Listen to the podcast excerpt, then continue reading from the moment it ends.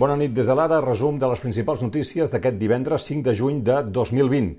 El Ministeri de Sanitat ha autoritzat que Barcelona, la seva àrea metropolitana i Lleida passen a la fase 2 a partir de dilluns que ve. El Camp de Tarragona, les Terres de l'Ebre i l'Alt Pirineu Aran entraran a la fase 3. La Generalitat recuperarà el control sanitari d'aquestes tres últimes regions. El president Torra serà el responsable de decidir la mobilitat entre àrees sanitàries dins de Catalunya. Ara bé, el govern espanyol preveu que a partir del 21 de juny hi hagi llibertat de moviments entre tots els territoris d'Espanya perquè és quan s'acabarà l'última pròrroga de l'estat d'alarma. I la rebella de Sant Joan? Doncs si estarem aleshores a la fase 3, que se suposa que sí, es podran fer trobades privades de 20 persones com a màxim. Fora de l'àmbit particular es permeten activitats organitzades on l'aforament pot arribar a 80 persones en espai tancat i a 800 persones a l'aire lliure que han d'estar assegudes.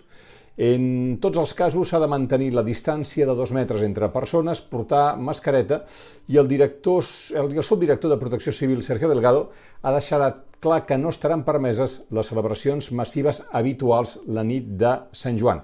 Aquestes festes de fins a 800 persones poden ser en un carrer, a la platja, en una pista esportiva, organitzades per un ajuntament o per una entitat. I la Festa Major de Gràcia limitarà les activitats es faran amb restriccions d'aforament, amb cita prèvia, els carrers podran fer un guarniment simbòlic al sostre, però es proposa que no hi hagi elements a terra, ni portalades, ni escenaris per facilitar l'accés. Són les propostes en què estan treballant eh, les comissions de carrers i l'Ajuntament de Barcelona. La, comissaria de la comissària perdó, de l'Interior, Ilva Johansson, ha transmès als 27 estats de la Unió Europea que aixequin les restriccions internes a les fronteres de l'espai Schengen a finals d'aquest mes.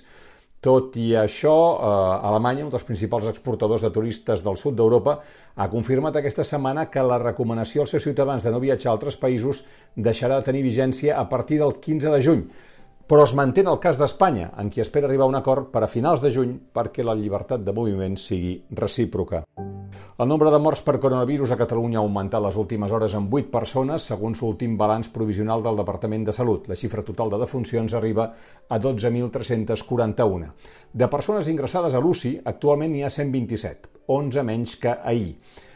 Dada interessant, des de l'inici de la pandèmia han passat per les UCIs dels hospitals catalans 4.076 persones i s'han comptabilitzat un total de 38.501 altes hospitalàries de persones diagnosticades amb Covid-19 a Catalunya.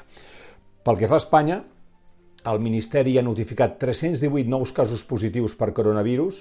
Eh, en total, la pandèmia ha infectat 240.000 persones i pel que fa a víctimes, el recompte de defuncions la situa en 27.134, un mort més respecte a ahir. El Regne Unit ha superat els 40.000 morts i el món està en els 391.000. I per cert, la professora de l'Escola Sant Esteve de Guialbes a Vilademuls, al Pla de l'Estany, que aquesta setmana va presentar símptomes de coronavirus, ha donat negatiu a les proves, segons un informe del Departament d'Educació, i per tant dilluns es podrà reprendre l'activitat presencial a l'aula i els alumnes podran tornar. El Banc dels Aliments de Barcelona ha explicat aquest divendres que durant la crisi del coronavirus ja ha superat el màxim històric d'ajudes que va assolir durant la crisi del 2008. Ara l'entitat atén 159.000 persones. Pensin que a principis de març, abans del confinament, ajudava cada dia 114.000 persones. Diumenge, l'ara, és el dia de la setmana en què el diari es muda més. Us oferirem entre d'altres continguts molt treballats, aquest que presenta la directora Esther Vera. A l'Ara hem estat treballant set periodistes durant un mes en un reportatge que us publicarem aquest diumenge. Es titula 20 dies a l'infern. Set periodistes de l'Ara han entrevistat més de 70 persones que van viure en primera línia de la lluita contra el Covid. L'hem titulat 20 dies a l'infern. Fins i tot algunes de les fotografies, a més dels nostres fotoperiodistes, són també d'una anestesiòloga del Parc Taulí. Persones que han viscut en primera línia aquesta lluita contra la mort. L'ANC, Òmnium Cultural, Junts per Cat, Esquerra i la CUP han reclamat aquest divendres al matí davant la delegació del govern espanyol a Barcelona l'alliberament dels presos polítics i han denunciat que l'estat espanyol no hagi complert, després d'un any que es publiqués, amb el dictamen de l'ONU que demanava la seva llibertat.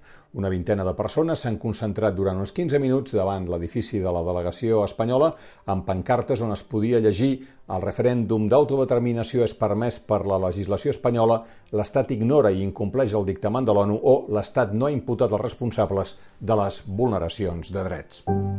I acabem amb el temps. Aquest matí la previsió era que demà no plouria, però que les tempestes tornaríem diumenge. Ens mantenim en la previsió, Miquel Bernis? És així. El cap de setmana començarà amb sol, però demà a la tarda reapareixeran les tempestes al Pirineu i diumenge els xàfecs soltats podran afectar gairebé qualsevol comarca. Demà farà més calor, però diumenge a la tarda farà encara més fresca que avui. I fins aquí les claus del vespre. Bona nit i bon cap de setmana.